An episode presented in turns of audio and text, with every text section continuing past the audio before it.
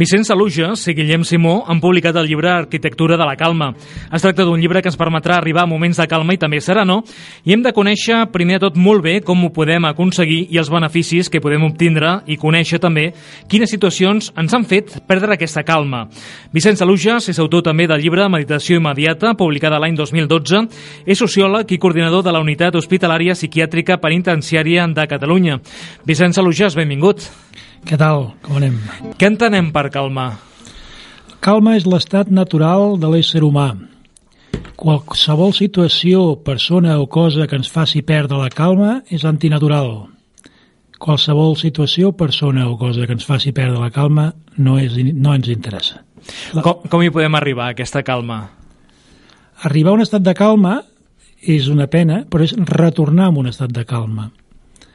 Nosaltres, quan naixem, som calma, som essència, som realitat. A poc a poc anem creixent i aquest estat de calma es va deteriorant fins a arribar al punt que ens fem adults i perdem la calma.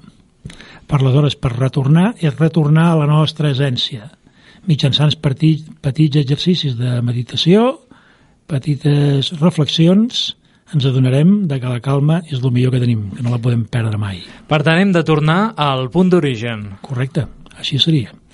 Amb la vida que portem, on tot ho volem ja immediatament, amb l'estrès que també això comporta, eh, home, veiem molt difícil arribar a aquesta calma, pels condicionants que tenim al nostre voltant.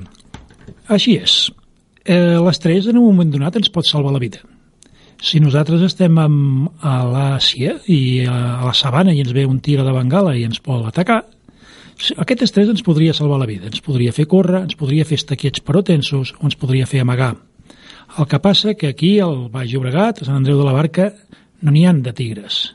Aquí convivim amb l'altre animal, amb el mico, amb la ment de mico o ment errant que ens produeix aquest estrès. I sempre el sinònim de l'estrès és la amenaça. Nosaltres ens sentim amenaçats, per això sentim estrès. L'amenaça, la por, són situacions que ens fan perdre molt la calma. Per tant, hem de lluitar contra aquesta por. Exactament, exactament.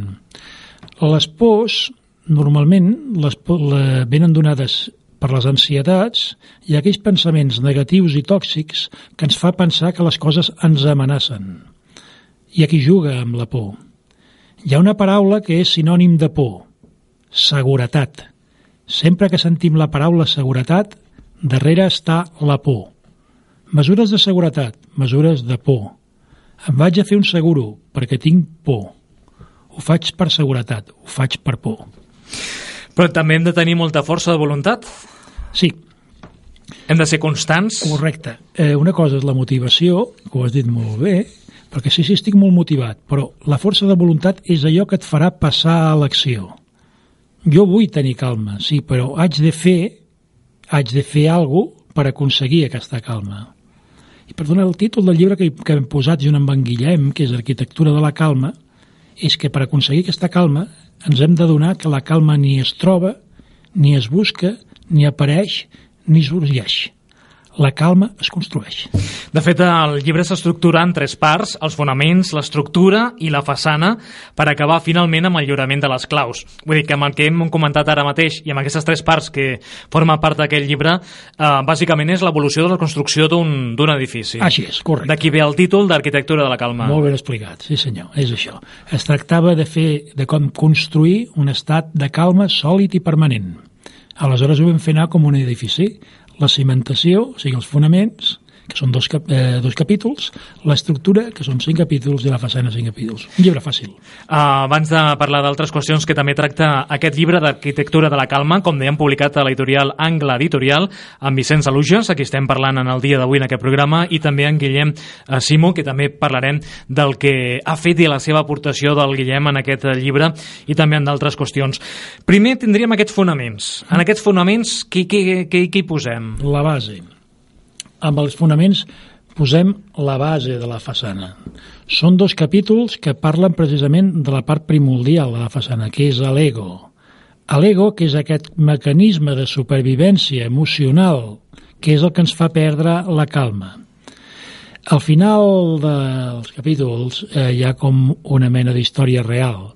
I amb el capítol 1, per exemple, És molt curiós la història real d'un home, un noi, que va aprovar les oposicions de policia local. Una persona molt feliç, però va perdre la calma, perquè no sabia desconnectar de la seva feina i feia de policia les 24 hores del dia, amb la família, eh, quan sortia a passejar, quan estava amb els amics. Una situació difícil, que la va haver de gestionar, el vam ajudar, i eh, se'n fa sortir. Però és perquè vegis que l'ego ens pot marcar males passades.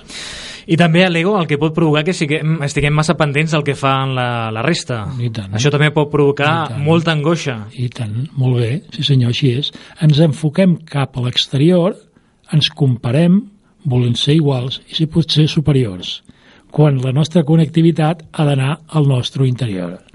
També, si t'hi fixes, Jordi, a cada capítol sí, hi ha una reflexió meditativa, que és la que t'ajuda a entrar al teu interior. De fet, en aquest llibre ofereixes exercicis, també aquests casos reals, de persones que en un moment donat han perdut la calma Sí. i que finalment l'han recuperat. Per tant, tenim Sí. aquest aspecte negatiu de que diverses situacions, i n'hi ha moltes que apareixen en aquest llibre, de com persones han perdut la, la calma, després la recuperen, i aquests exercicis eh, que ens proposes, que són la gran majoria exercicis de meditació, per tant, aquí enllacem en el teu anterior llibre, que és Meditació Sí, Immediata, sí, sí. ens pot ajudar a recuperar aquesta calma. Però aquests casos són reals, de persones Sí. que has conegut, de persones que has ajudat fins i tot a, a recuperar aquesta calma. Exacte, així és. I Així com és, aquest exemple... 12 casos reals de gent que es va dirigir a mi perquè en un moment donat havien perdut la calma. Que em va sorprendre de tot això és que quan estàvem fent el llibre amb el Guillem jo vaig trucar a aquestes persones i els vaig dir que us faria tots encantats de que surti el seu cas. I li he canviat el nom. Perquè són casos molt reals. Ara recordo el d'una parella d'aquí de, de la nostra comarca que vivien amb un nivell superior al que tenien. Vivien pues, amb un cotxe important, tenien una sèrie de maquinàries, tenien una casa preciosa, fins que es van jubilar i van donar un cop de volta, un cop de canell, es van interioritzar i van dir per què necessitem tant? Amb menys viurem millor. Viuen fantàsticament. Noves tecnologies que ens poden fer perdre la calma, moltes situacions que d'avui en dia que, bueno, que funciona, que, que ens adonem que són més fàcils. En aquestes situacions amb les noves tecnologies i s'està massa pendent dels telèfons mòbils, de, de l'ordinador, Sí. Una eina que és per la nostra ajuda, una eina que és per la nostra ajuda, ens pot arribar a complicar la vida. Hi ha un cas aquí real, aquest el vaig conèixer i aquest és de lluny, eh, el vaig conèixer a Noruega. Dos germans, un que vivia tranquil·lament de la pesca, un home feliç, un home íntegre, i son germà Bessó estava enganxat a les noves tecnologies tot el dia amb el telèfon la feina, a l'ordinador, la tablet, l'iPad, el no sé què. La diferència de com podrien viure les dues persones, dos germans Bessó, la veritat és que és eh, eh, adonar-se'n de que mm, les noves tecnologies són una eina que ens pot ajudar. A partir d'aquí ens pot complicar la vida.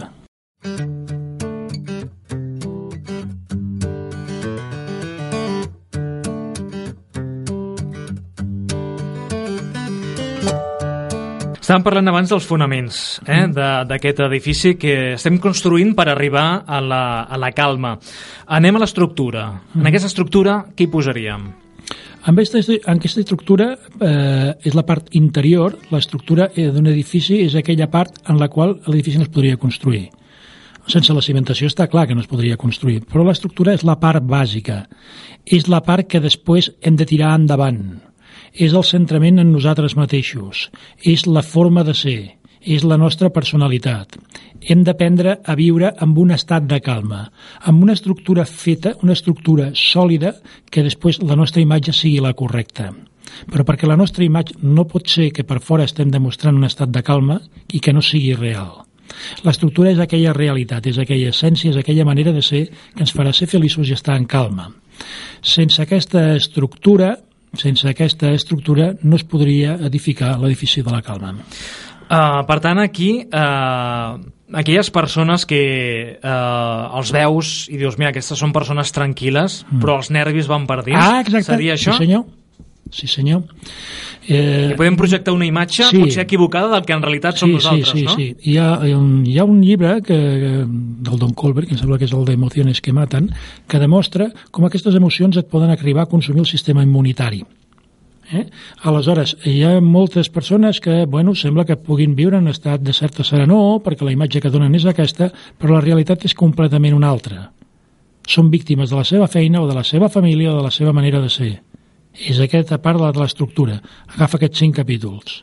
Aleshores, és ser molt sòlids amb aquest aspecte. Mm, hem parlat al principi de l'ego, però l'ego és el que és. Però la part de l'estructura podríem dir que és de la part més important d'un edifici, perquè sense ella no, no, no, no tindrem mai un estat de serenor i llibertat. Per tant, arribar a aquest estat de calma, aquest estat de, de serenor, els beneficis, no només són mentals, sinó també són físics. Totalment, totalment. Eh, jo parlo moltes vegades del IBM, i no és precisament una companyia multinacional de la informàtica. I intel·ligència, B, bondat, M, moviment. Hem de mirar, els éssers humans, d'activar la intel·ligència simplement doncs, llegint una mica, i aconsello molt la lectura, jugant una mica al dominó, o simplement fent una mica de meditació per equilibrar l'intel·lecte. La bondat, la B. No cal fer-nos d'una ONG i anar a curar l'Ebola tant de bo, però simplement saludant pel carrer, quan entres a l'ascensor amb un veí, amb un amic del poble. I el moviment, la M. No cal anar a fer la marató de sables. Simplement caminant una mica, passejant en bicicleta. I, B, M. Aquestes tres estructures, aquestes tres parts ens faran estructurar ben bé un estat de calma.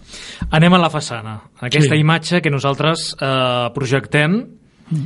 que ha de ser doncs, la imatge que nosaltres sentim.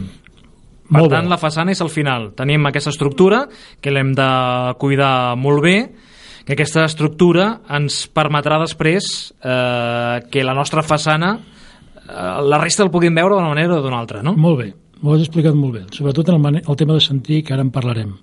En el, en el pròleg en, en parla una mica, però és important la façana perquè si nosaltres entréssim en una habitació que ja ves que és quatre persones que estiguessin badallant, bostezando, badallant, al cap de dos minuts és que passaria que nosaltres també badallaríem. Si entréssim en una aquesta habitació i les quatre persones estiguessin fent pensaments negatius, no passarien quatre minuts que nosaltres tindríem pensaments negatius. Si fossin crítics, en quatre minuts seríem crítics també. Però la bona notícia és que si entrem en aquesta habitació i hi han quatre persones que han estat en un estat de calma, estan en un estat, la calma també s'encomana. Per tant... la façana és això, encomanar aquest estat de calma, pro projectar aquest estat de calma a les persones que ens envolten. És clau. Per tant, també és clau les relacions que nosaltres eh, podem tenir, perquè hi ha aquelles relacions que de vegades s'anomenen relacions eh, tòxiques. Tòxiques. Clau. Les relacions tòxiques, això és molt interessant. Les relacions tòxiques són aquelles que el dia que vas a, treballar, vas a treballar pares un moment a prendre una aigua, a prendre un tallat abans d'entrar i et trobes amb el cenizo, amb el cafre, amb aquell que et transmet eh, negativitat. Doncs ja et, te canvia el dia, sense voler et canvia el dia i ja no et trobes bé. Doncs bé, aleshores es tractaria d'adonar-nos, dar-nos compte, prendre consciència i aquesta persona no ens interessa, però de moment no ens interessa. Això és molt interessant nosaltres el que hem de fer és estar nosaltres mateixos, connectant-nos amb el nostre interior i adonar-nos que som calma. Aleshores, què hem de fer? Quan nosaltres ja estem preparats, tornar a veure amb aquest tòxic. I aviam si som capaços d'aguantar al seu costat i no entrar en un estat de deliri, sinó mantenir la calma. I poder-li projectar la façana de la calma, aquesta calma al tòxic i haurem triomfat. Per això sí ho aconseguim, perquè Exacte, això és, és un complicat. Eh? És un procés, és un procés, però hi ha gent que imprimeix toxicitat com, i s'encomana, hem parlat. Per tant, és el que, el que dèiem, no? la calma s'encomana, eh, amb aquest exemple doncs, molt clar d'aquesta habitació que ens has comentat eh, avui, Vicenç, i, i bé, el que hem d'intentar és això, encomanar aquesta calma, però que aquestes relacions tòxiques eh, no es facin aquest efecte rebot a nosaltres mateixos, Exactament. no? Que ens serveixi com a antídot, o sigui, adonar-nos que són relacions tòxiques que moltes vegades no ens adonem i tornem a caure, i després utilitzar aquell com el mestre espiritual, eh? com aquella persona que en un moment donat et farà entrar en calma. Mira, eh, permetem que dintre d'aquest aspecte et col·loqui tres verbs. El verb tenir, el verb sentir i el verb ser. El verb tenir eh, serveix per tot, eh? per a l'amor. Tinc un amor, el perdràs. Sento amor, fantàstic, anem bé. Soc amor, formidable. però també val per tot, pels diners, també, per la riquesa. Tenir diners, els perdràs. Ara hi ha hagut un gran banquer que ha fallegut i, i ha perdut tots els diners. Tenir riquesa, la perdràs. Sentir riquesa, anem millor. Ser riquesa, que el nostre interior sigui riquesa. Arribar a aquest estat de calma de veure que no et fa falta res, que ja ho tens tot.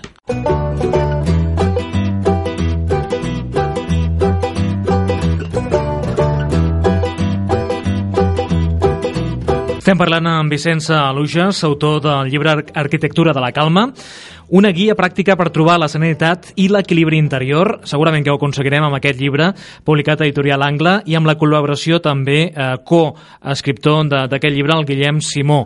Què ens pots dir del Guillem, un Vicenç? Un tipus grandíssim. És una persona que viu a cavall entre Barcelona, eh, la, les Pal Madrid, les Palmes de Gran Canària i la Índia. És una persona que passa molts mesos a la Índia i és un meditador nat de Raja Yoga. Jo tenia la idea de fer aquest llibre, tenia inclús la, la manera, de, el títol i per on te'l volia enfocar, però em faltava aquella mà del mestre, del mestre meditador, del mestre oriental, que el Guillem m'ha fet un gran favor. Ell és professor de Raja Yoga, és enginyer en telecomunicacions, però dedica tota la seva vida a aspectes de la calma i, i és un, bueno, jo estic encantat de poder-lo tenir com a col·laborador i que ajudés tant a fer aquest llibre. A l'hora d'escriure aquest llibre, Vicenç, heu aconseguit aquesta calma entre els dos, suposo. Sí, sí, bueno, a més això de, de ser... Jo, bueno, ja em coneixes, no sóc massa del món de la informàtica o res, ja sé el que és el Dropbox, el núvol, perquè clar, ell estava a Canàries o la Índia anàvem escrivint, ja conec perfectament l'Escape, perquè anàvem intercalant els, els capítols i la compenetració. Això també m'ha servit per...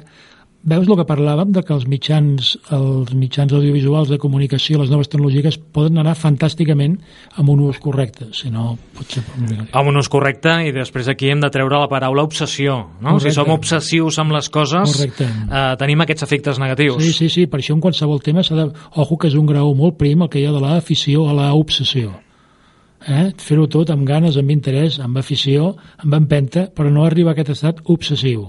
Perquè a darrere de l'estat obsessiu apareixen aquella paraula que hem parlat abans, les pors.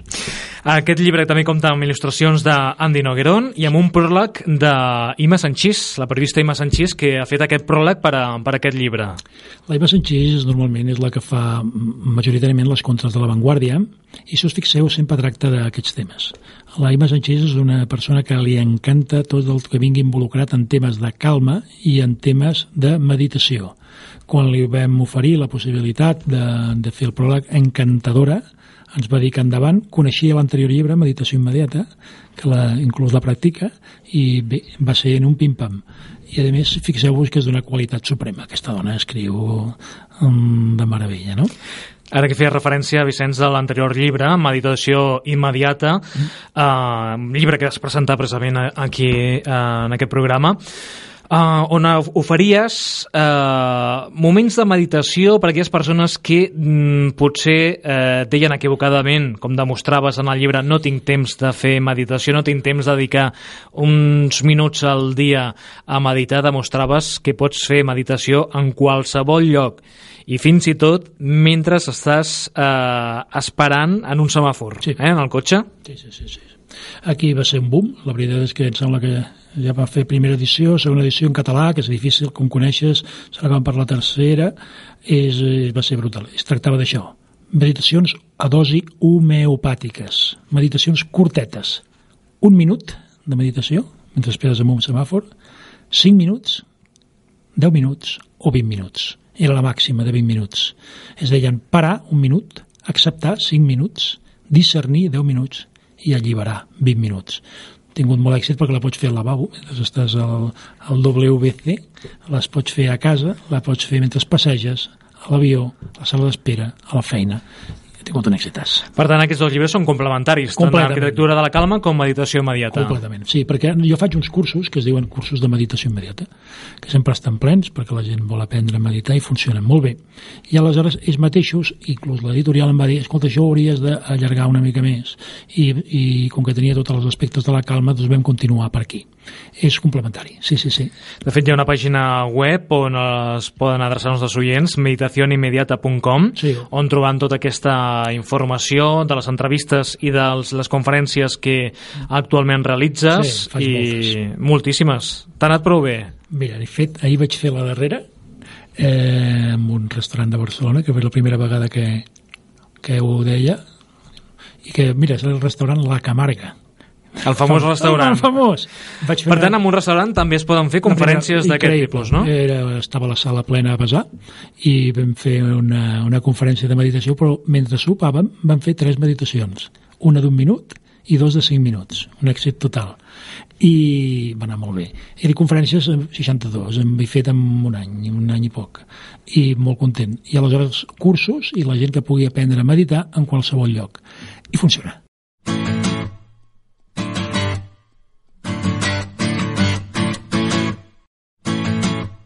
Parlant de la calma, és important saber eh, quines situacions eh, ens ha fet perdre la calma a nosaltres per intentar resoldre aquest tema.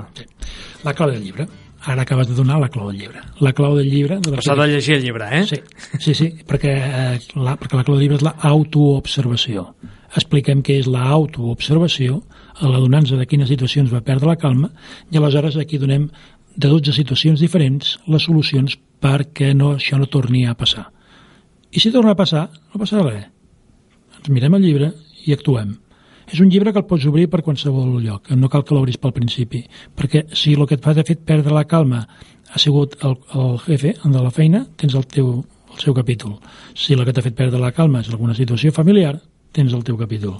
I si el que t'ha fet perdre la calma és una situació d'esbarjo, tens el teu capítol. Aleshores és simplement trobar quina és la situació que et fa perdre la calma mitjançant la autoobservació i tirar-lo endavant.